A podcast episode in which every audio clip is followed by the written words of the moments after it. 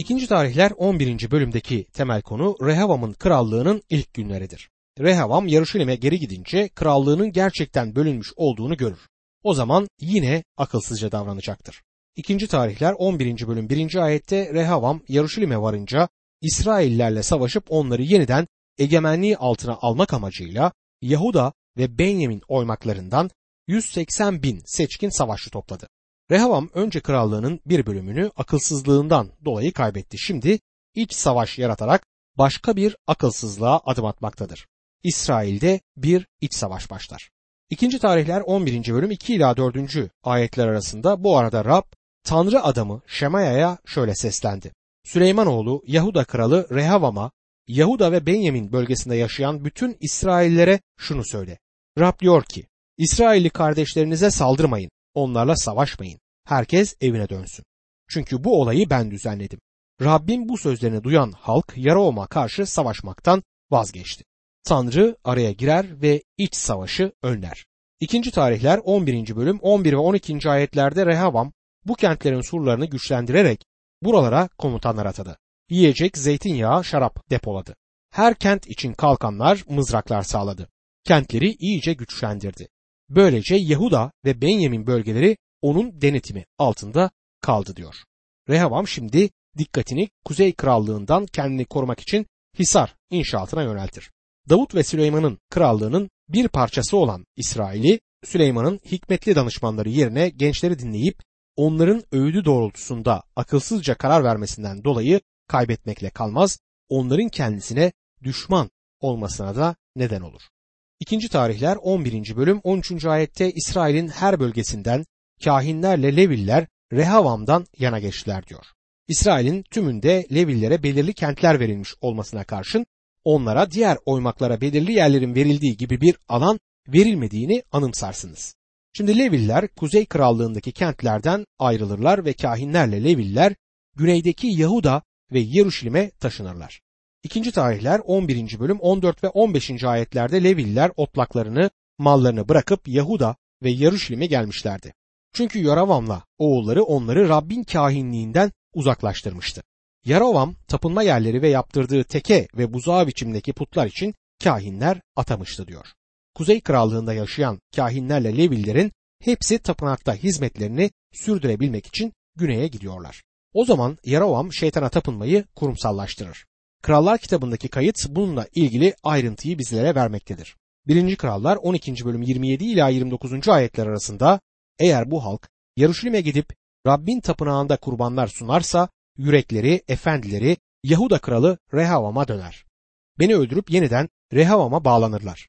Kral danışmanlarına danıştıktan sonra iki altın buzağı yaptırıp halkına tapınmak için artık Yaruşilim'e gitmenize gerek yok dedi. Ey İsrail halkı! İşte sizi Mısır'dan çıkaran ilahlarınız.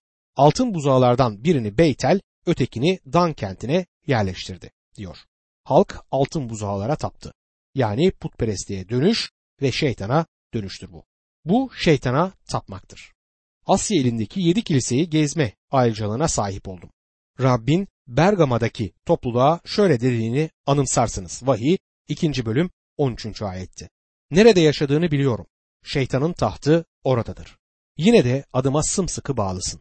Aranızda şeytanın yaşadığı yerde öldürülen sadık tanığım Antipa'nın günlerinde bile bana olan imanını yatsımadın. Putperestliğe verilen bir kentti. Putperestliğin arkasında şeytan vardır. Şeytana tapma kendini birçok farklı şekilde göstermektedir.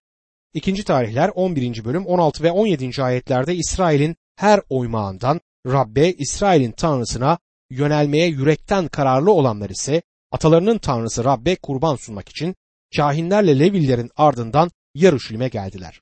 Üç yıl Davut'la Süleyman'ın izinde yürüyen bu kişiler Süleymanoğlu Rehavam'ı destekleyerek Yahuda krallığını güçlendirdiler diyor. On kuzey oymağında hala Tanrı'ya sadık kalmış olanlar vardı. Onlar tapınmak için Yaruşilim'e geliyorlardı. Şimdi bize Yerovam'ın özel yaşamıyla ilgili bazı bilgiler aktarılmaktadır. İkinci tarihler 11. bölüm 21 ila 23. ayetler arasında Rehavam, Avşolom'un kızı Maaka'yı öbür eşleriyle cariyelerinin hepsinden daha çok severdi. Rehavam'ın 18 karısı 60 cariyesi vardı. Bunlardan 28 erkek 60 kız çocuğu oldu. Rehavam Maaka'dan doğan Aviya'yı kral yapmak amacıyla onu kardeşleri arasında önder ve tahta geçecek aday atadı. Bilgece davranarak oğullarının bazılarını Yahuda ve Benyamin topraklarına surlu kentlere dağıttı. Onlara bol yiyecek sağladı ve birçok kadınla evlendirdi diyor. Kutsal kitaptaki kayıtta bazı insanların birçok eşinin olduğunun açığa çıkması bazılarının Tanrı'nın çok eşliliği onayladığı gibi bir sonuca varmalarına neden olur. Hayır. Tanrı bunu kaydeder. Çünkü bunu onaylamadığını bilmemizi ister. Rehavam genç adamlar yerine Süleyman'ın danışmanlarını dinlememekte hata yaptı. Bir iç savaşı başlatmakla da hata etti. Birçok eş almakla da bu hatayı devam ettirdi. Bu tarih olduğu için kaydedilir. Onun yaptığı budur. Bu Tanrı'nın onu yargıladığı şeylerden birisidir. İkinci tarihler 13. bölümdeki temel. İkinci tarihler 12. bölümdeki konu Rehavam'ın Rabbin yolunu bırakmasıdır. Rehavam'ın yaşadığı günahlar birbirini izler. Şimdi halkını nasıl inançlardan uzaklaştırdığını göreceğiz. Rehavam krallığını pekiştirip güçlenince İsrail halkı ile birlikte Rabbin yasasına sırt çevirdi diyor. İkinci tarihler 12. bölüm 1. ayette. Tanrı Rehavam'ın yaptığını onaylamadı. İnsanlar eski antlaşmada şu adamların yaptıklarını okumakta ve yaptıkları şeylere bir bakın yaptıkları da yanlarına kar kalmış demektedir. Bu özellikle İbrahim'in Hacer'i alması ve ondan oğlu İsmail'in olmasıyla sık sık gündeme gelmektedir. Dostlarım İbrahim'in yaptığı yanına kar kalmadı. Bugün Orta Doğu'da kimin büyük bir sorun oluşturduğunu biliyor musunuz? İbrahim'in oğulları yani İsrailliler ve Araplar. Araplar kimdir? Bir gün bir Arap bana bugün yaşayan bir Yahudi kadar ben de İbrahim'in bir oğluyum dedi. Ve haklıydı. Soyu İsmail'e kadar gidiyordu. Bu Arap İbrahim'in oğlu İsmail'in soyundan gelmekte övünüyordu. Tanrı İbrahim Hacer'i aldığı zaman bunu onayladı mı? Hayır. Tanrı bunu onaylamadı. Tanrı bunu bir tarih olarak kaydetti. Sonra da bizim sonuçları görmemizi sağladı. Kesinlikle bir bereket olmamıştır. Aslında yüzyıllar boyunca bu bir dert olmuştur. Tanrı şimdi Yerovam'ın Tanrı yolundan ayrılışını kaydeder. Rehavam ve İsrail'in kutsal yasayı terk etmelerinde kaydetmektedir. Tanrı bu şeyleri kınar ama hepsini de tarih olarak kaydeder. Tanrı'nın yargısı şimdi Rehavam'ı bulur. İlk defa Güney Krallığı büyük bir ulusun işgal kuvvetlerinin onları işgal etmesine maruz bırakılır. Gördüğümüz gibi Rehavam Tanrı'nın sözünü bırakmış ve halkı doğru yoldan saptırmıştır. Bunu yaptığı zaman Tanrı daha önce yapmadığı bir şeyi yaptı. Bundan önce Tanrı halkının etrafına ve dönemin büyük uluslarının o bölgeyi işgaline izin vermemişti. İkinci tarihler 12. bölüm 2 ve 3. ayetlerde Rehavam'ın krallığının 5. yılında Mısır kralı Şişak Yaruşilim'e saldırdı. Çünkü Rehavam'la halk Rab'be ihanet etmişti. Şişak'ın 1200 savaş arabası, 60 bin atlısı ve Mısır'dan onunla birlikte gelen Luvlu, Suklu, Kuşlu sayısız askeri vardı diyor. Önce Mısır kralı Şişak geldi ve büyük miktarda ganimet götürdü. O krallığın büyük miktarda altınını ve diğer zenginliklerini alıp götürdü. İkinci tarihler 12. bölüm 9 ila 11. ayetler arasında Mısır kralı Şişak Yaruşilim'e saldırdığında Süleyman'ın yaptırmış olduğu altın kalkanlar dahil Rabbin tapınağının ve sarayın bütün hazinelerini boşaltıp götürdü. Kral Rehavam bunların yerine tunç kalkanlar yaptırarak sarayın kapı muhafızlarının komutanlarına emanet etti. Kral Rabbin tapınağına her gittiğinde muhafızlar bu kalkanları taşıyarak ona eşlik eder sonra muhafız odasına götürürlerdi diyor. Anımsadığınız gibi bunlar Davut'un getirdiği ve Süleyman'ın tapınağa koyduğu altın kalkanlardı. Ganimet olarak götürüldükleri için Rehavam onların yerine daha ucuz kalkanlar koyar. Artık altın kalkanları yoktur. Şimdi tunç kalkanları kullanmaktadırlar. Günahlarından dolayı Tanrı'nın yargısıyla karşı karşıya gelirler. Bu Rehavam'ın küçük düştüğü bir deneyimdi. Süleyman'ın görkemli krallığında yetişmiş ve gelen bereketleri yaşayan bir kişiydi. Zenginlik ve lüksten başka bir şey bilmiyordu ve bunun sonsuza dek süreceğini umuyordu. Süleyman'ın krallığının görkeminin sona erebileceğini anlamaya artık başlar. İkinci tarihler 12. bölüm 12. ayette Rehavam'ın alçak gönüllü bir tutun takılması üzerine Rabbin öfkesi dindi. Onu büsbütün yok etmekten vazgeçti. Yahuda'da bazı iyi davranışlarda vardı diyor. Bu Tanrı'nın şaşkınlık yaratan lütfunun merhametini gösterir. Bu adam kendini alçaltınca Tanrı hemen yargısını onun ve Yahuda halkının üzerinden çeker. İkinci tarihler 12. bölüm 13. ayette kral Rehavam Yarışilim'de krallığını pekiştirerek sürdürdü. Kral olduğunda 41 yaşındaydı. Rabbin adını yerleştirmek için bütün İsrail oymaklarının yaşadığı kentler arasından seçtiği Yarışilim kentinde 17 yıl krallık yaptı. Annesi Ammonlu Naama'ydı diyor. Rehavam'ın annesinin kim olduğunu öğrenmek ilginçtir. Davut'un Ammonilerle dostluk kurmuş olduğunu hatırlarsınız. Oysa onlar ona karşı savaşmışlardı. Şimdi torunu Rehavam'ın Ammoni bir kadın aldığını görüyoruz. Annesinin şüphesiz onun karakteri üzerinde etkisi olmuştur. Krallar kitabında gördüğümüz gibi Tanrı daima anne isminden bahseder. Neden? Çünkü oğlunun sorumluluğunu kısmen de olsa anne taşımaktadır. Eğer oğlu iyi olursa bundan şeref payı alır. Eğer kötü bir kral olursa oğlunun suçundan da payını alacaktır. İkinci tarihler 12. bölüm 14 ila 16. ayetlerde Rehavam Rabbe yönelmeye yürekten kararlı olmadığı için kötülük yaptı. Rehavam'ın yaptığı işler başından sonuna dek peygamber Şemea ve bilici İddo'nun soyla ilgili tarihinde yazıldır. Rehavam'la Yoravam arasında sürekli savaş vardı. Rehavam ölüp atalarına kavuşunca Davut kentine gömüldü. Rehavam'ın yerine oğlu Aviya kral oldu diye yazıyor. El konu Aviyam'ın Yahuda'ya krallık etmesi konusudur. Rehavam'ın ölümünden sonra tahta oğlu çıkar. Aviyam iyi bir kral sayılmaz ve 1. Krallardaki kayıt ondan şöyle söz eder. 1. Krallar 15. bölüm 3. ayette babasının kendisinden önce işlemiş olduğu bütün günahlara Aviyam da katıldı. Bütün yüreğini Tanrısı Rabbe adayan atası Davut gibi değildi diyor. Buna rağmen tarihler kitabında Rabbi onurlandırdığı bir bölümü okuruz. Aviyam seçme yiğit askerlerden oluşan 400 bin kişilik bir orduyla savaşa çıkar. Yarovam da 800 bin seçme yiğit savaşçıdan oluşan bir orduyla ona karşı savaş düzenini alır. Aviyam Efraim dağlık bölgesindeki Semeraim dağına çıkıp şöyle seslenir. 2. tarihler 13. bölüm 3 ila 6. ayetler arasında. Avia seçme yiğit askerlerden oluşan 400 bin kişilik bir orduyla savaşa çıktı. Yoravam da 800 bin seçme yiğit savaştan oluşan bir orduyla ona karşı savaş düzenine girdi. Avia Efraim dağlık bölgesindeki Semareim dağına çıkıp şöyle seslendi. Ey Yarovam ve bütün İsrailler beni dinleyin.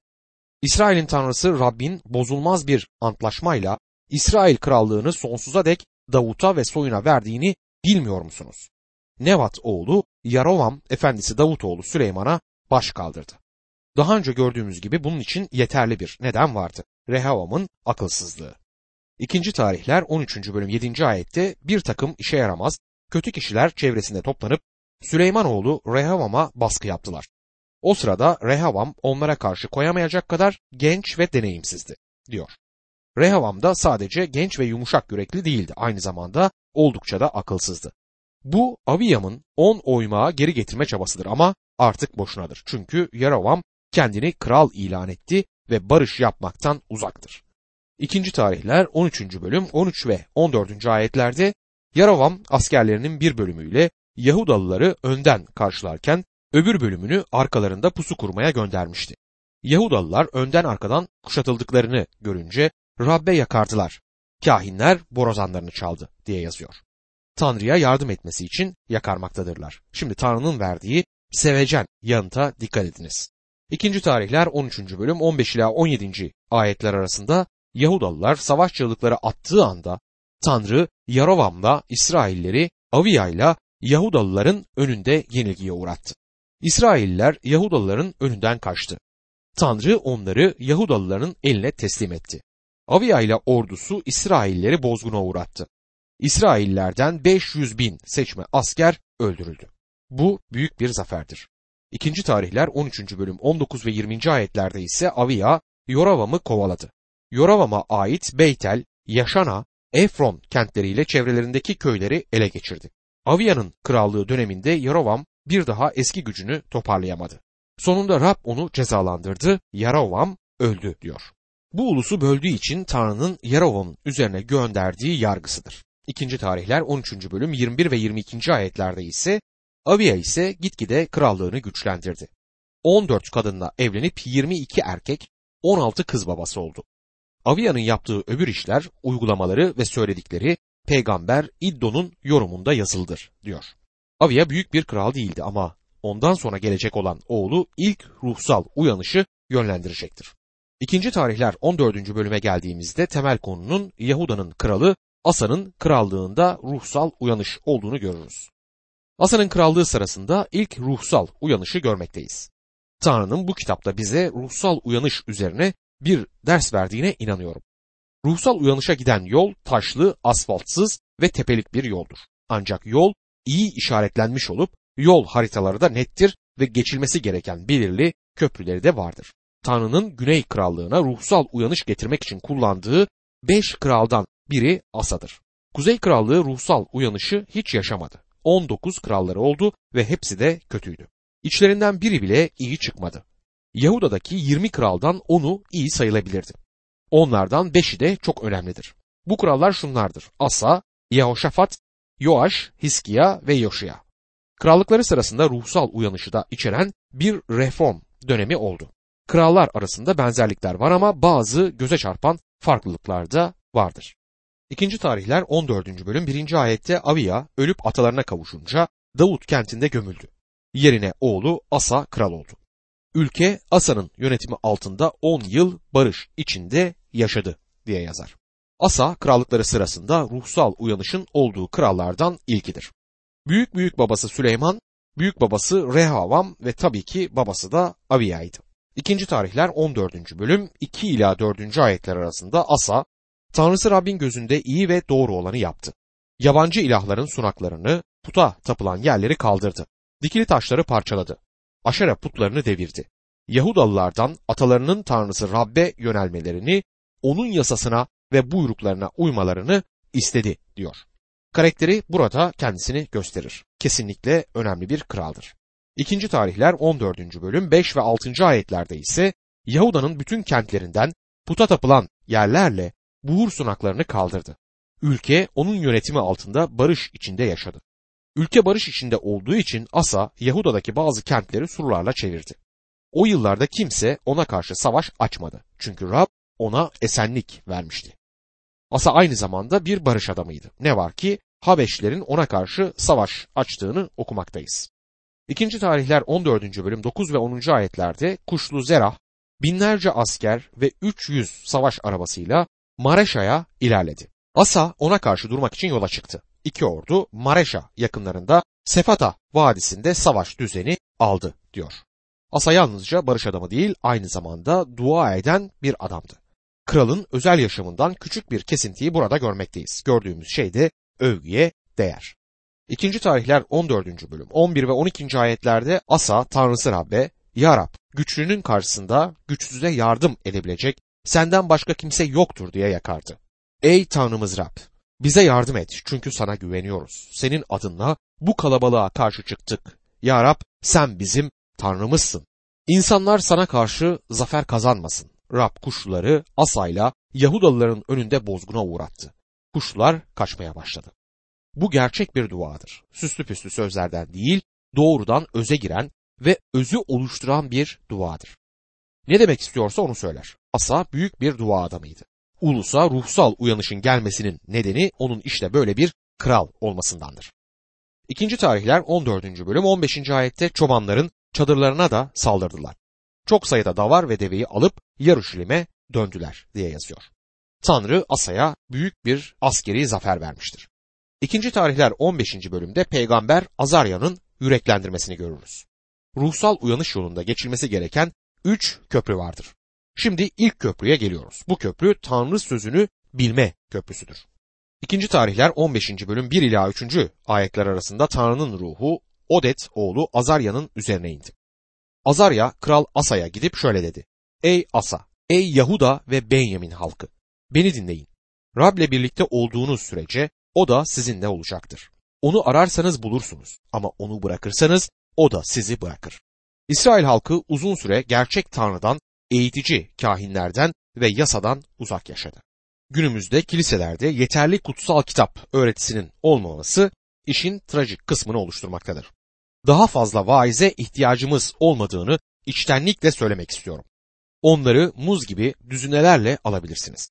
Kutsal kitap öğretmenleri azdır ve kutsal kitabı öğretenlere ihtiyacımız çok. Asa'nın döneminde de onlara ihtiyaç vardı.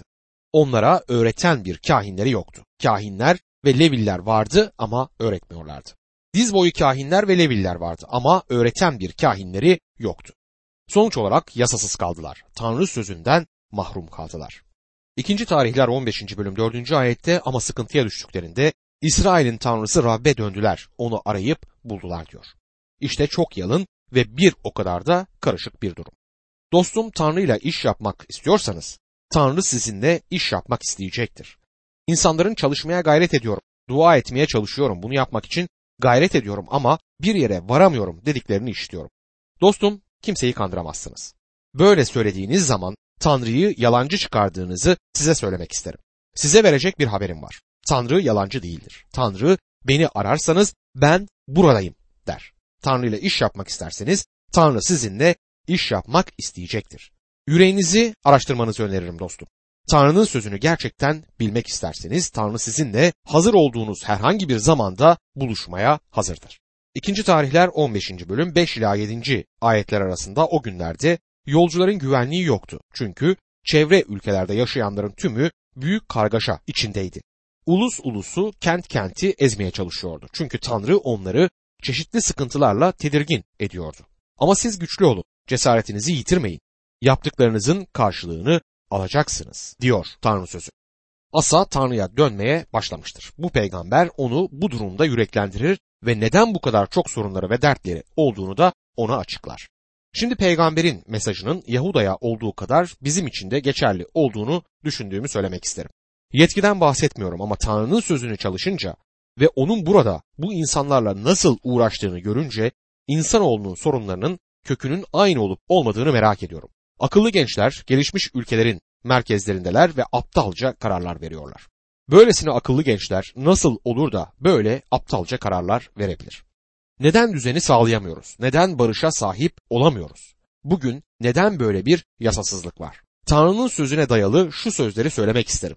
Tanrı bırakılmıştır. Akıllı gençleri olduğu için Tanrı'ya ihtiyaçları olmadığını düşünen toplumlar var. Dostum yaşadığımız şu saatte ulusların Tanrı'ya ihtiyacı var. İkinci tarihler 15. bölüm 8. ayette Asa bu sözleri peygamber Odet'in oğlu Azarya'nın peygamberliğini duyunca cesaret buldu.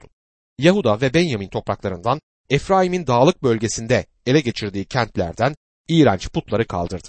Rabbin tapınağının eyvanının önündeki Rabbin sunağını onardı. Efraim'den, Maneşya'dan, Şimon'dan gelen birçok İsrailli Tanrısı Rabbin Asa'yla birlikte olduğunu görünce onun tarafına geçti. Asa bu gelenlerle Yahuda ve Benyamin halkını bir araya topladı diyor. Tanrı'ya dönenler daima olacaktır dostum. İkinci tarihler 15. bölüm 10 ila 12. ayetler arasında Asa'nın krallığının 15. yılının 3. ayında Yaruşilim'de toplandılar. Yağmalamış oldukları hayvanlardan 700 sığırla 7000 davarı o gün Rab'be kurban ettiler. Bütün yürekleriyle, bütün canlarıyla atalarının tanrısı Rab'be yönelmek için antlaşma yaptılar diyor. Fark ettiğiniz gibi bu insanlar ilk köprüyü geçiyorlar. Dolan başlı yollardan gitmeye çalışmıyorlar. Tanrı'nın sözünün öğretişine geldiler. Tanrı'ya dönüyor ve onu bütün yürekleri ve canları ile arıyorlar. Bu ruhsal uyanışın her birinin niteliğini göstermektedir. Tanrı'nın sözüne burada dönüş vardı. Tanrı'nın sözüne dönüş olmadan ruhsal bir uyanışın olmadığını söyleyecek kadar cesaretim var. Kutsal kitabın etrafında dolan başlı bir yol yoktur. Onun yerini tutabilecek hiçbir şey yoktur. John Wesley'in zamanındaki büyük ruhsal hareket Tanrı'nın sözü etrafında dolaşmaktaydı dostum. Wesley kutsal kitabı her sabah üç dilde okudu. Modey ve zamandaki bütün ruhsal uyanış, bütün kutsal kitap enstitüsü hareketine kadar gitmiştir. Bu enstitü Tanrı'nın sözünün çalışıldığı en büyük hareketlerden biridir. Ama günümüzde ölüyor. Neden? Çünkü Tanrı'nın sözünden uzaklaşıyorlar. Tanrı'nın sözünü yüzeysel olmanın ötesinde bilmemiz gerekir. Doğru sözcüklerden oluşan sunni bir kelime haznesinden çok daha fazlasına ihtiyacımız var. Ruhsal uyanış eyleme, hizmete ya da yönteme bağlı değildir. Tanrı sözünün bilinmesini ve sevilmesini gerektirir. Çağımızda Tanrı'nın kullandığı hareketler ve müjde hareketleri var. Ama ben bu çalışmaları Tanrı'nın sözüne dayalı yapmadıkları için rahatsızlık duyuyorum. Bu hareketleri ve Tanrı'nın sözünü çalışan bazı okullarımızı bile anlamakta güçlük çekiyorum. Dostum gerçek bir ruhsal uyanışı kutsal kitap bilgisine dayanmadığı takdirde yaşayamayız. Ruhsal uyanışın gelmesini umuyorum. Bunun yoldaki ilk köprü olduğuna inanıyorum. Bu ilk köprüyü geçmemiz gerekmektedir.